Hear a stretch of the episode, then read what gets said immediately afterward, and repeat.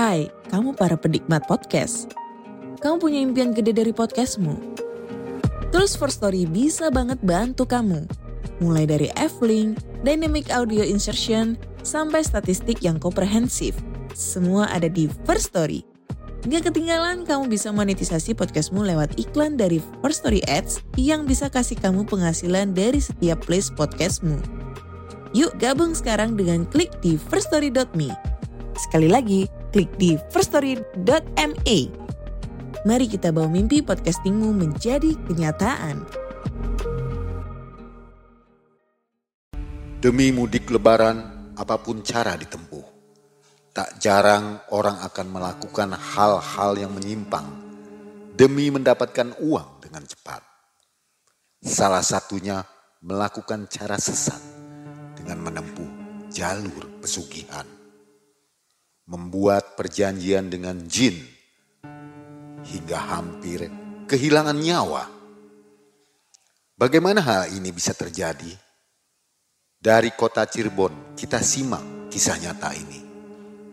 Dan inilah Wa Uus. Waus, apa kabar Waus? Alhamdulillah sehat. Waduh, ini santai banget nih dari mana nih Waus? Wah ini kebetulan Mang Eng menghubungi sedang sholat sholat raweh Mang Eng. Oh, jadi habis tarawih langsung ke Iya sini? langsungnya aja. Oh, luar biasa. Waus, aktivitas apa sekarang? Ya biasa aja lah, tetap di pasar. Masih di pasar ya? Iya. Dari subscriber kita banyak yang kangen dengan Waus. Ingin Waus berkisah lagi katanya. Nah, Tapi permintaannya kisahnya tentang pesugihan. Kebetulan Waus ada ya? Memang mengalami ya? Insya Allah ada. Itu tentang apa Waus? Ya jadi kebetulan sekali ini mungkin hal-hal yang sangat kebetulan. Jadi temen ini lagi susah lah benar-benar susah sampai ya boleh dikatakan nekat aja gitu kan langsung mencari pesugihan dan kebetulan saya kenal juga yang punya artinya boleh katakan kuncen lah Mang Eng. Oh, nah, jadi dia sudah banyak beban hutang. Mhm. Satu, kedua mau lebaran pulang kampung dia rencana mau pulang kampung mungkin jauh kampungnya itu antara di Kalimantan di situ di sekitar situ. Jadi panik lah ya. Panik dia mau pengen pulang gitu. Ambil jalan pintas. Jalan pintas. Dan diantarkan sama Waus ke tempat Pesugihan pesugihan. tersebut, iya. Kenapa mau nganterin ke tempat pesugihan? Kan namanya pesugihan ya notabene itu agak-agak gimana gitu ya. Oh, iya waktu itu emang begitu Mang. Jadi dia itu sebetulnya sudah dua kali cerita kalau itu sih mencoba sama saya tuh. Nah, akhirnya dia, dia ngomong, tolong mintalah bisa nggak aja antar udah ke pesugihan aja. Ya pada saya itu anak muda Mang Ai. Kalau anak muda itu tidak pernah berpikir ke mana, yang penting hasil gitu aja waktu Oke. itu. Oke, siap. Tahan dulu Waus. Dan kisahnya ini terjadi tahun 2001. Bagaimana kisahnya? Kita dengarkan Waus.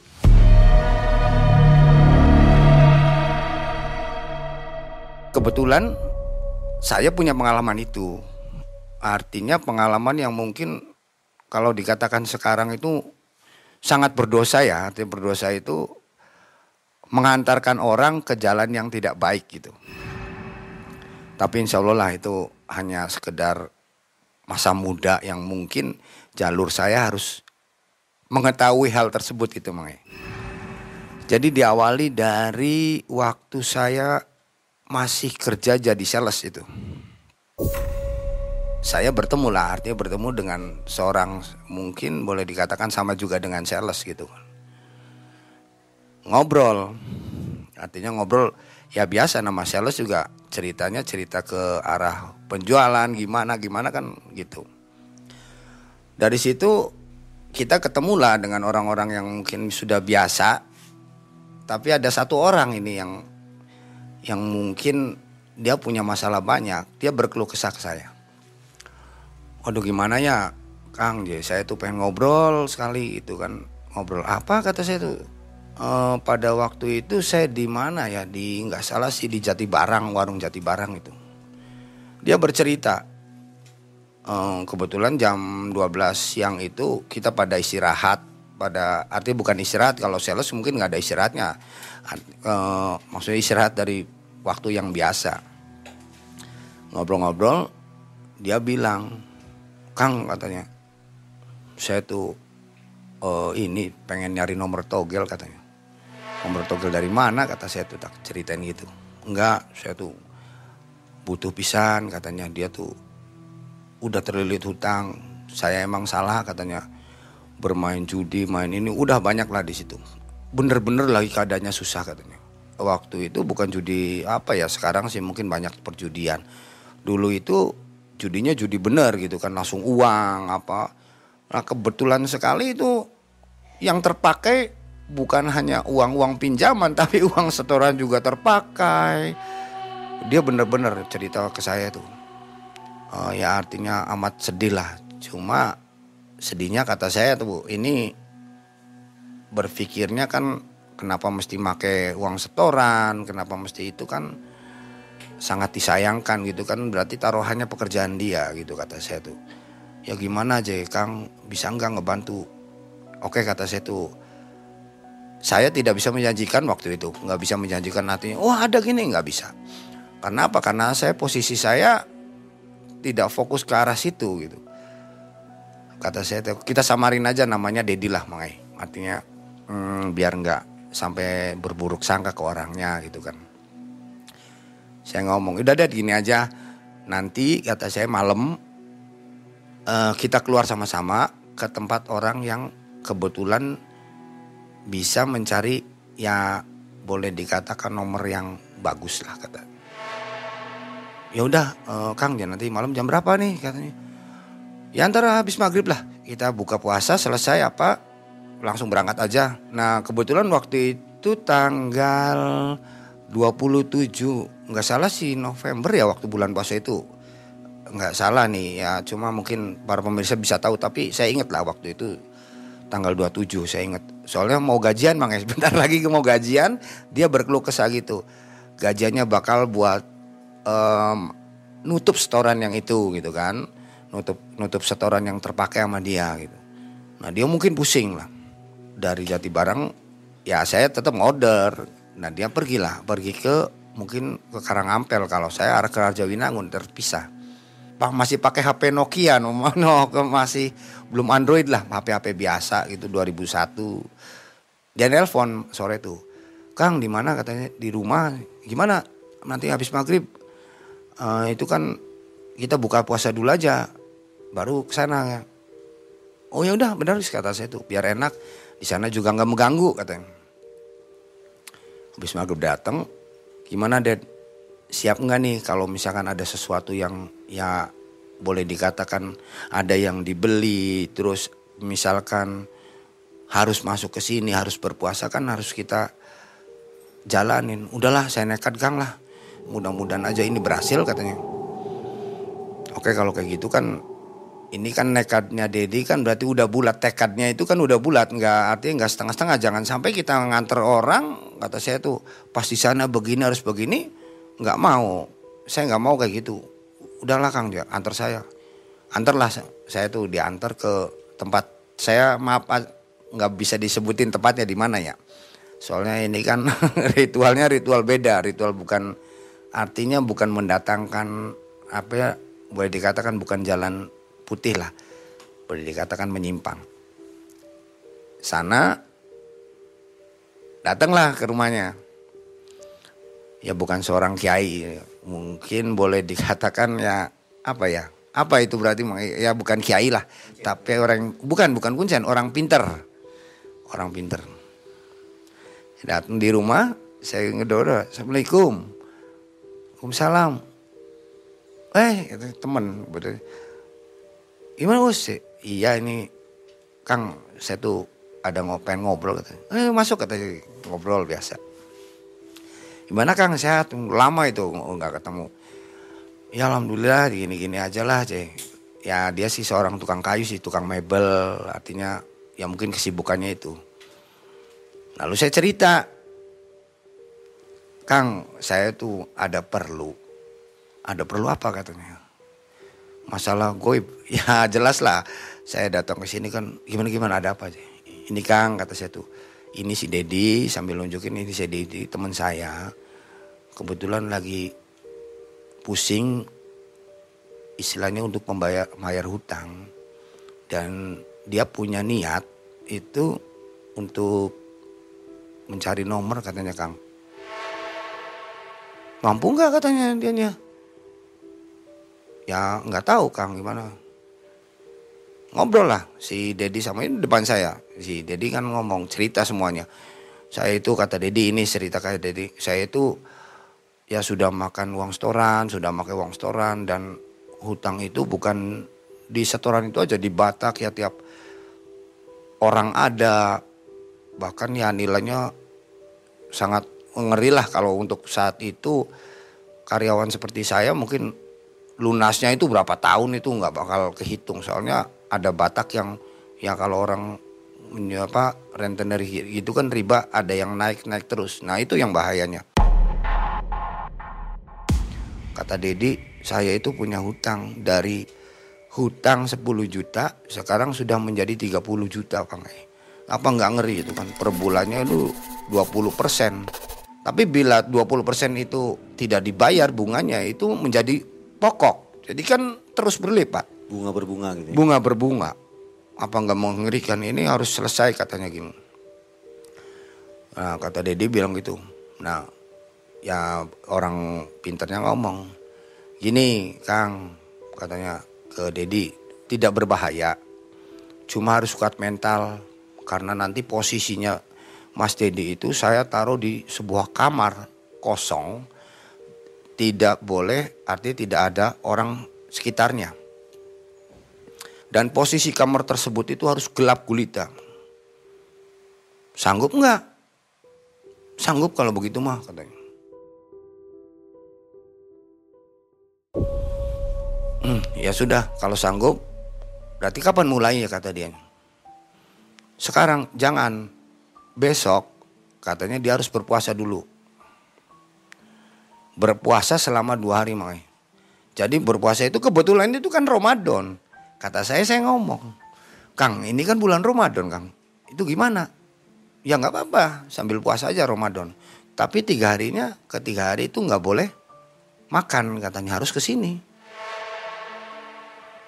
oh ya udah kalau kayak gitu siap gak deh siap terus syaratnya apa lagi katanya ya kata dia ya secara uh, ngobrol ini harus ada yang dibeli begini ini ya cerita itulah. Jadi sanggup. Yang gak seberapa sih uh, ngobrol cuma dia untuk beli apa boleh dikatakan menyan tapi bukan dari menyan. Makanya kalau menyan sih banyak yang itu itu harus beli ini gitu kan. Jadi siap dia siap katanya. Nunggulah uh, berarti tiga hari ya, tiga hari nunggu. Ya saya wanti-wanti dia jangan jangan jangan sampai batal nih. Ini karena apa? Karena ini uh, niat kamu itu harus dijalankan, dijalankan untuk mencapai hal yang kamu inginkan dan iya iya tenang aja Kang Us Uslah cek katanya saya sih udah nekat bener-bener walaupun kata ngomongnya tuh walau gunung dilempar ke saya juga udahlah saya sih siap mati aja. Sehari puasa saya telepon saya ketemu apa juga awas jangan saya wanti-wanti. Itu posisi itu kan posisi bulan puasa artinya tetap Dedi kekeh katanya. Hari kedua itu dia harus ke sana lagi ke orang pintar. Dikasih bacaan bacanya ah kita rahasiakan aja lah. Mantra kalau boleh dikatakan. Nah mantra itu harus hafal dalam semalam berarti kan. Hari kedua itu datang dikasih. Nah besoknya kan berarti kan harus langsung mati geni itu harus hafal. Harus hafal biar malam itu nggak kagok gitu. Nggak artinya nggak lupa apa lancar. Jadi pas pagi mati geni itu dibaca terus sampai malam. Sampai apa? Sampai siap masuk ke tempatnya katanya. Harus hafal. Jadi saya antar waktu itu ke sana. Nih bacaannya uh, dari malam ini katanya berarti kalau misalkan boleh dikatakan ini misalkan besok mau masuk, nah malamnya sore itu saya ke situ habis maghrib. Ini dibaca. Berarti malam ini sampai besok malam itu silakan dihafalin. Nggak lama. Itu cuma ngambil apa ngambil bacaan ngobrol-ngobrol terus saya pergi. Balik Dedi langsung pulang. Ya di Ded diapalin Ded diapalin nah ini ada sedikit. Boleh dikatakan mungkin dari cerita Dedi apa ya apa ada gangguan walaupun hanya mantra tapi posisi Dedi kan ini Ramadan. Kok bisa gitu kan? Pagi dia telepon, ada di mana Kang? Mau order ke mana ini? Gini-gini sama nggak? Kalau sama nanti kita pengen ngobrol katanya. Ada apa Ded? Udah, wah gila ini sih kata dia nih. Ya kita ketemu aja nanti jam 12 katanya saya tuh. Ya pagi saya berangkat, berangkat kerja. Langsung cari orderan lah. Saya kan ngorder dulu jam 12 janjian sama saya. Janjian udah ketemu di sini aja. Ketemu ngobrol Dedi. Kang waduh ini gimana ya? Semalam saya kan ngapalin itu ceritanya ngapalin. Perasaan tuh wah kok jadi dingin katanya. Dingin dingin gimana Ded? Dingin katanya. Saya sampai tidur nggak bisa tidur. Nggak bisa gimana gimana maksudnya gimana? Datang entah kayak datang sih kang. Takut dia rasa tuh udah dingin kok hawa dingin kayak di itu aja.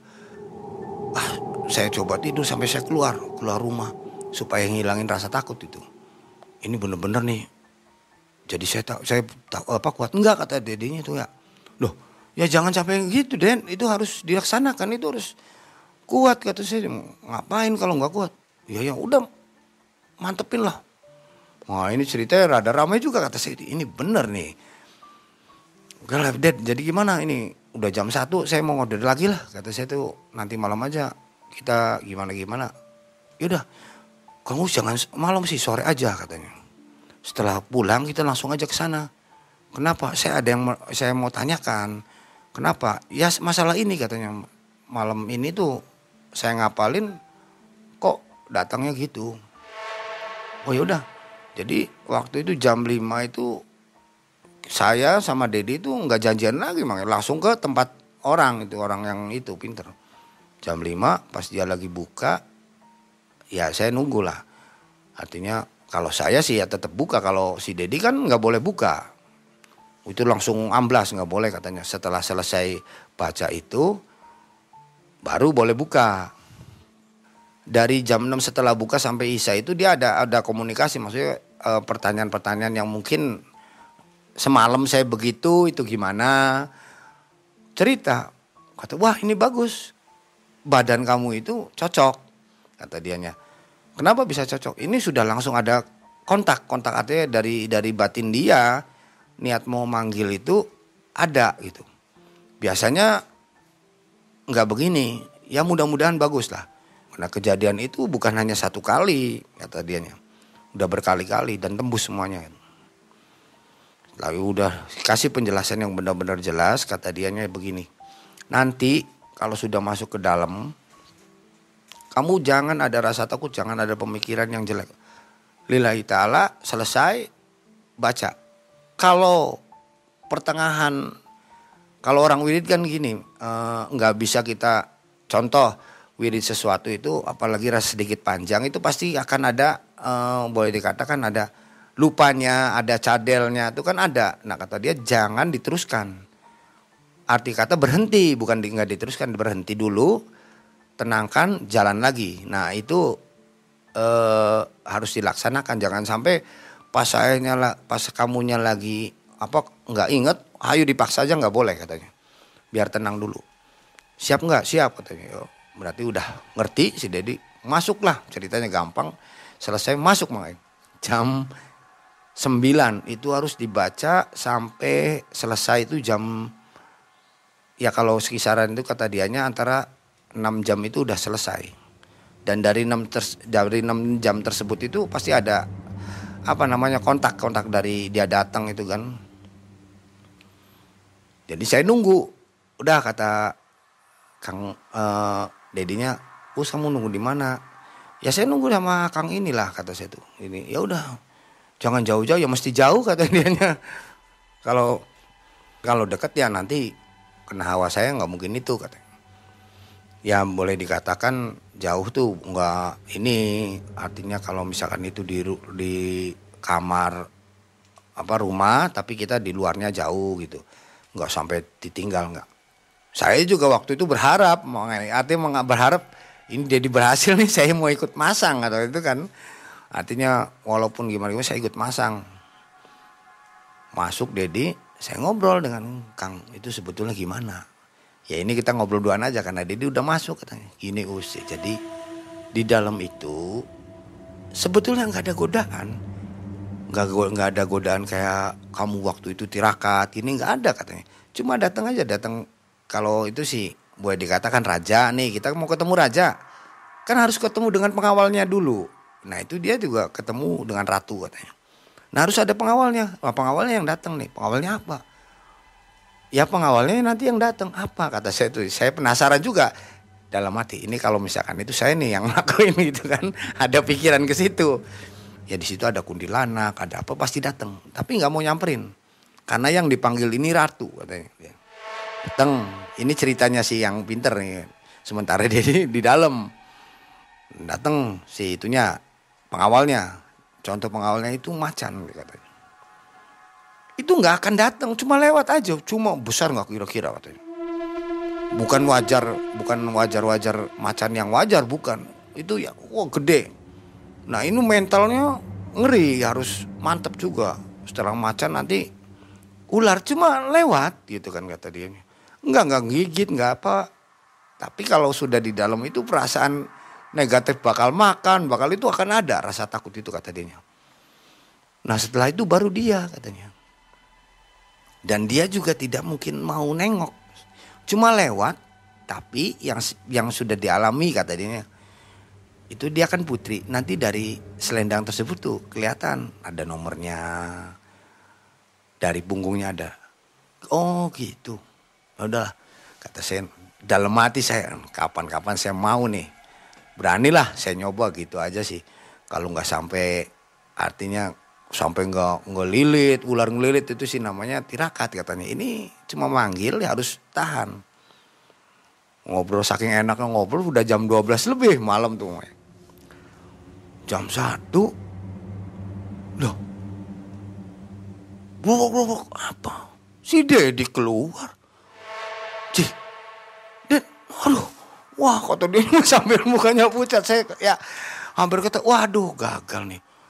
Kenapa Ded wah saya nggak tahan. Ya Ded itu tuh godaan kenapa? Ya tapi saya takut gini. Wah, Ded gimana? kata saya tuh. Udah udah nggak apa-apa, jangan jangan jangan disalahin kasih di sama ini kasih minum. Minum dulu udah minum dulu udah tenang dulu tenang. Ayo ke rumah dulu ke rumah gimana gimana? Kalau udah minum kopi dulu kata dia udah tenang. Jangan itu jangan anu jangan apa jangan nyalahin kata dia. Ya enggak kan eman kata saya tuh. Udah puasa apa? Saya kalah dengan kayak gitu? Us ya kalau saya kan nggak pernah kayak gini je saya nekat ben baru utang tapi ternyata yang datang itu namanya kata Dedi, itu macan gede. Bener-bener saya duduk itu lebih gede katanya.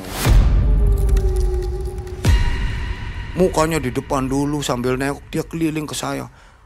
Pas di belakang, aduh takut.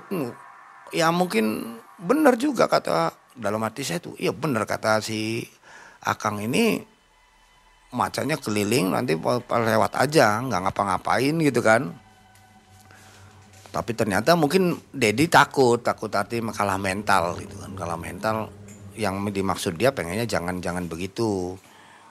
Sudah Dedi kalah, ya sudah kata itu terus mau gimana lagi. Nah soalnya ini nggak bisa diulang. Kalau Dedi sudah gagal, itu sudah gagal total, nggak bisa ngulangin lagi walaupun nggak ada saya, kata dia.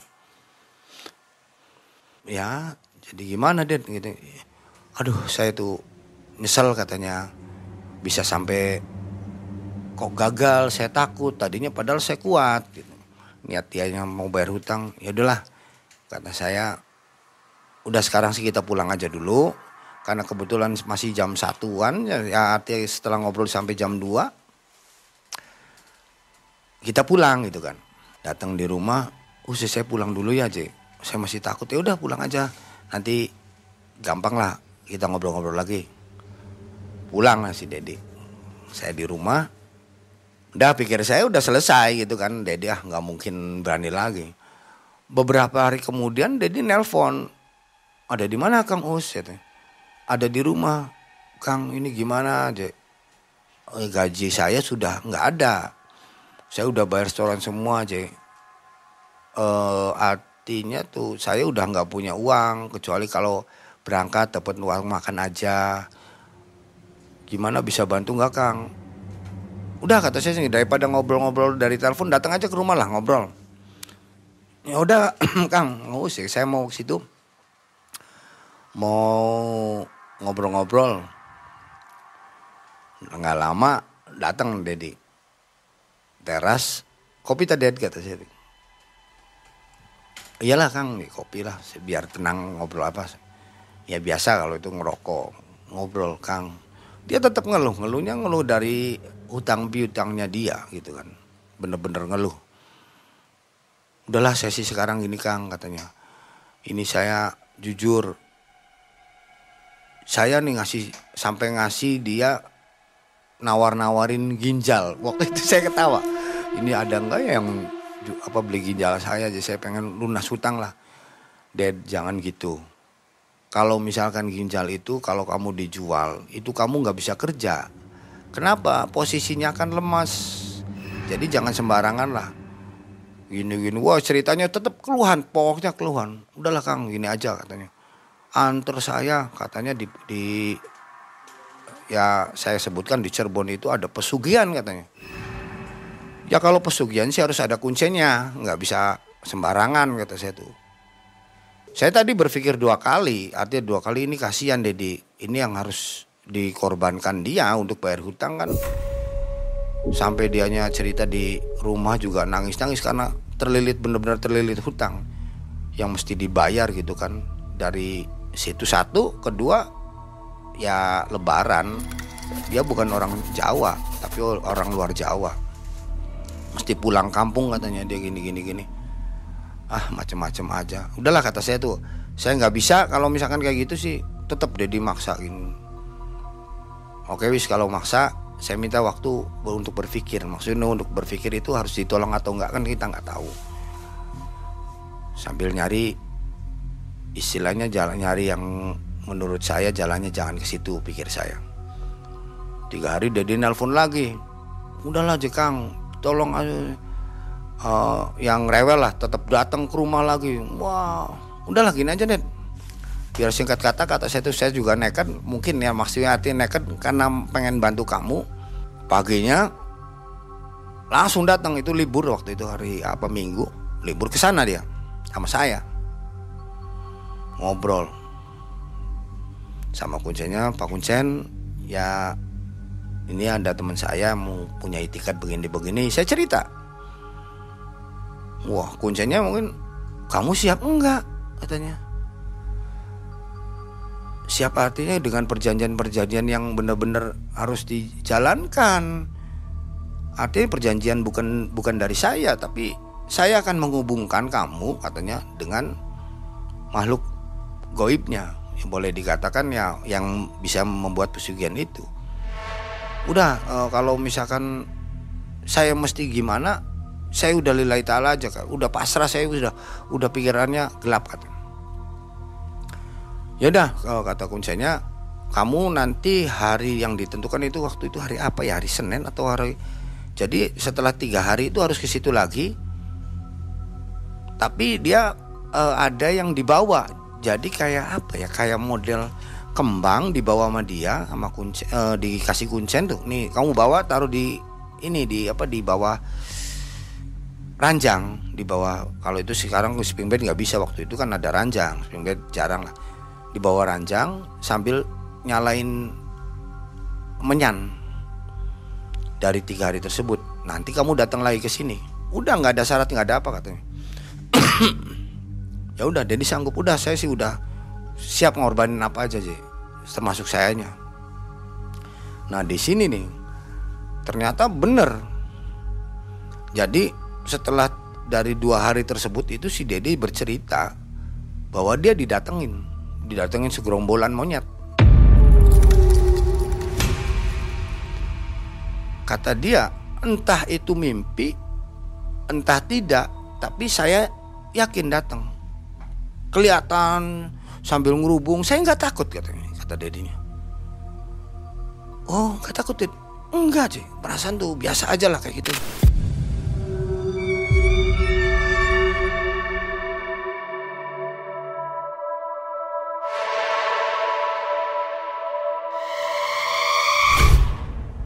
Waduh, kata saya ini jodoh apa bukan ya? Nggak nggak ngomong cuma ke dedinya nggak ngomong lah, nggak mungkin saya istilahnya. Ya udah kalau gitu nanti cerita aja ke kuncinya kata saya tuh. Nah pas hari ketiga langsung ke kuncinya itu duhur saya waktu itu langsung posisi nggak eh, saya nggak kerja lah Eh, boleh katakan nggak ini nggak nggak apa nggak masuk kerja karena emang nyelamatin si Dedi pikir saya begitu nyelamatin lah cuma ya maaf kata untuk saat sekarang akhirnya kan kepikiran dosa gitu kan. Datanglah ke kuncen. Kuncen datang. Kata kuncen yaudah kamu sekarang mandi. Habis asar mandi. Udah mandi apa? Pak Kuncen katanya saya mau cerita kenapa didatengin nggak? Iya kok tahu Pak Kuncen katanya ya udah pasti. Kalau misalkan emang itu dari persetujuan dari dua hari setelah saya kasih bunga dan kemenyan itu adalah kontak buat ngontak dia. Ngontak oh, boleh katakan silumannya itu ngontak sama dia. Asar udah cerita gitu wah berarti ini bisa berhasil nih kata kata saya tuh berhasil. Dari situ ada ruangan ruangan masuk kata kuncen eh masuk makan kebetulan ya ini ini susah dikatakan yang dikatakan mungkin saya jalurnya jalur ke situ mungkin ya. Saya harus ke ke alam arti berkecimpungnya ke alam gaib. Saya itu disuguhin disuguhin kopi sama makanan. Nah itu ada nasi ada apa. Saya kaget waktu itu. Kenapa kaget? Ini saya melihat itu yang dimakan sama saya itu kok bau. Kalau di saya bau, tapi kalau yang si Dedi yang dimakan si Dedi itu bukan nasi. Tapi kayak kotoran gitu loh. Jadi, dah, kok kotoran? Sampai apa yang diceritakan oleh film-film itu yang makan ya terlihat Dedi sampai makan, saya diam aja. Ya mungkin itu jalurnya Dedi. Udah gitu datang seekor anjing. Itu makanannya si Dedi si kotoran itu dikencingin sama anjingnya. Siung saya tahu. Saya ngelihat itu jelas. Ya Allah, kata saya dalam hati. Padahal saya nggak boleh baca istighfar itu nggak boleh. Kenapa? Ya setelah saya tahu bahwa istighfar itu hanya untuk menutup gerbang gaib. Jadi uh, kata istighfar itu menutup gerbang goib supaya jangan itu. Jadi jangan bilang istighfar katanya. Diam aja. Saya bahas loh. Kok itu kan ada ada pengen nyebut tapi ingat itu saya menyaksikan sendiri. Nah yang kedua itu monyet besar Mang Ai datang. Si Dede ya cuek aja kayak kayak nggak melihat atau apa saya nggak ngerti.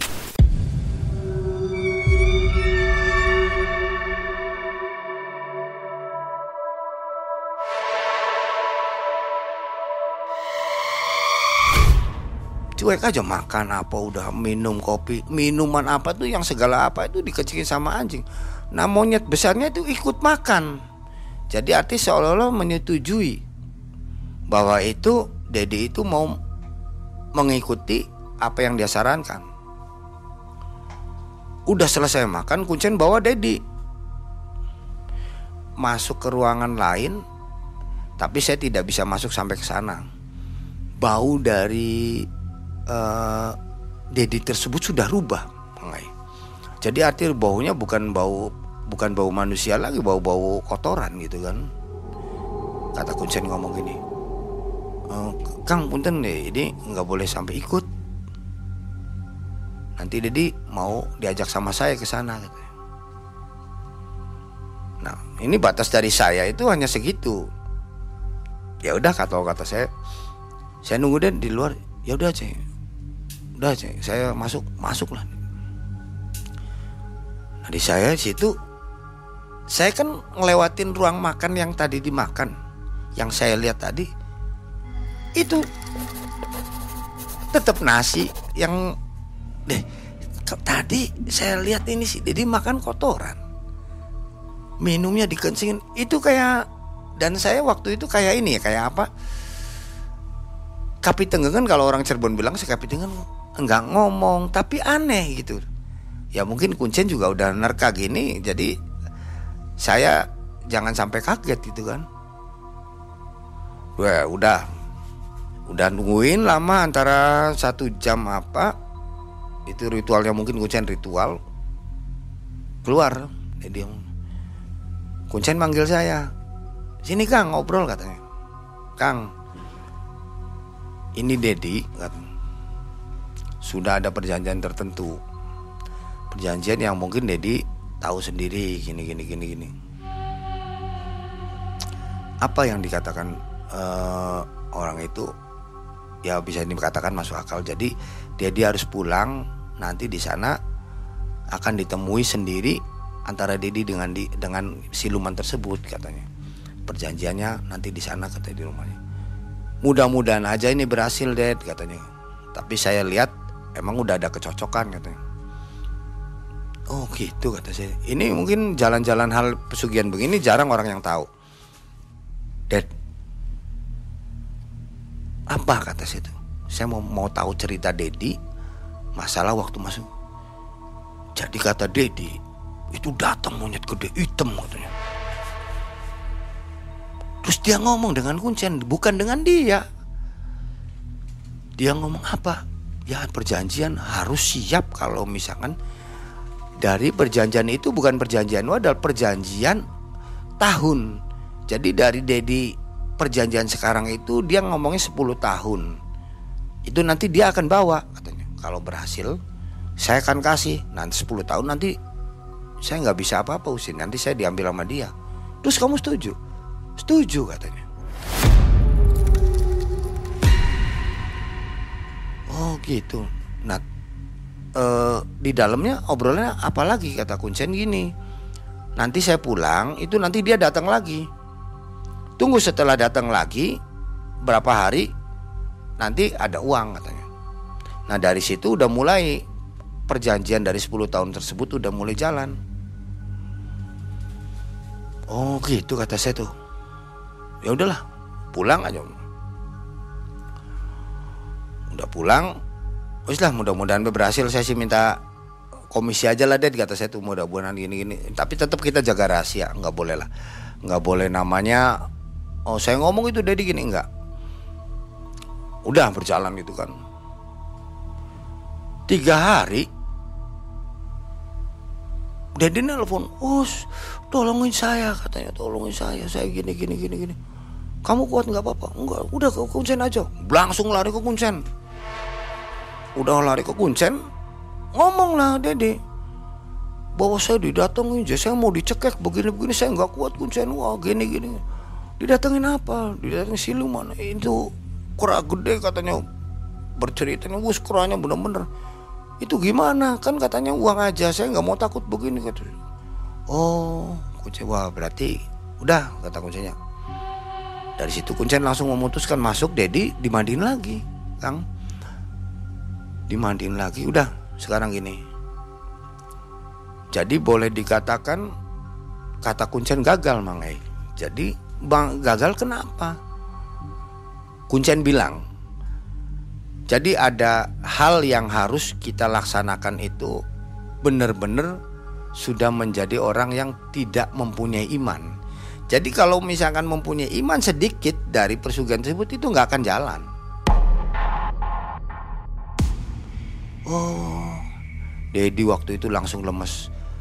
Aduh, kenapa bisa begini? Saya harus begini. Ya sudah, itu perjalanan hidup. Nah dari situ saya punya hikmah sendiri. Artinya hikmah sendiri. Oh iya, berarti apa pun yang kita lakukan, apa pun yang kita jalani itu tetap ada jalur dan jodohnya, Mang Ai. Jadi jangan sembarang kita ngomong apa sugan itu gampang. Nanti juga kita oh belum tentu. Jangankan ceritanya, jangankan jangankan istilahnya hal yang baik. Ini yang buruknya aja harus ada jodohnya. Jadi apa yang kita pikirkan selama ini masalah pesugihan itu gampang lah. Wah udah pesugihan aja begini. Itu nggak mudah mangai. Dari dari cerita yang saya sampaikan ini mudah-mudahan para pemirsa juga bisa menyimak arti. Artinya eh, inti dari yang saya alami itu tidak semudah apa yang mungkin eh, para pemirsa pikirkan atau orang-orang yang dengar cerita saya itu wah itu sih bohong gampang. Enggak enggak mungkin. Itu saya tahu saya mengalami itu sekarang kalau misalkan niat kita artinya sudah niat kita begitu sudah mendapat dosa dan tidak punya hasil kan gimana gitu kan apa dapatnya apa kan nggak ada nggak ada yang kita dapatkan berarti Apa kabar Dedi sekarang? Masih sering ketemu?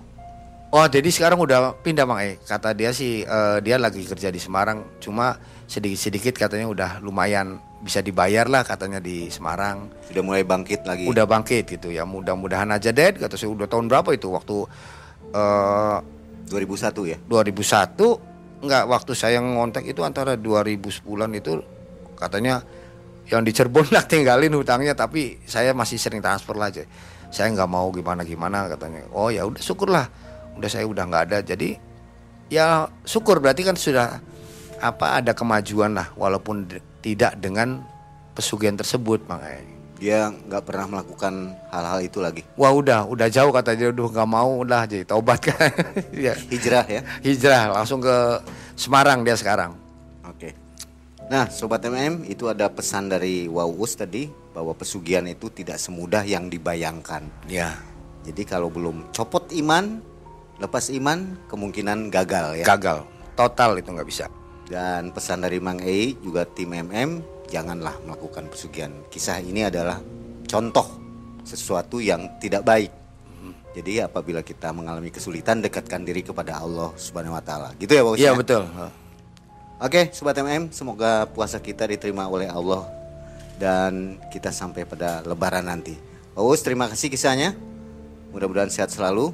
Anai dan tim undur diri. Assalamualaikum warahmatullahi wabarakatuh.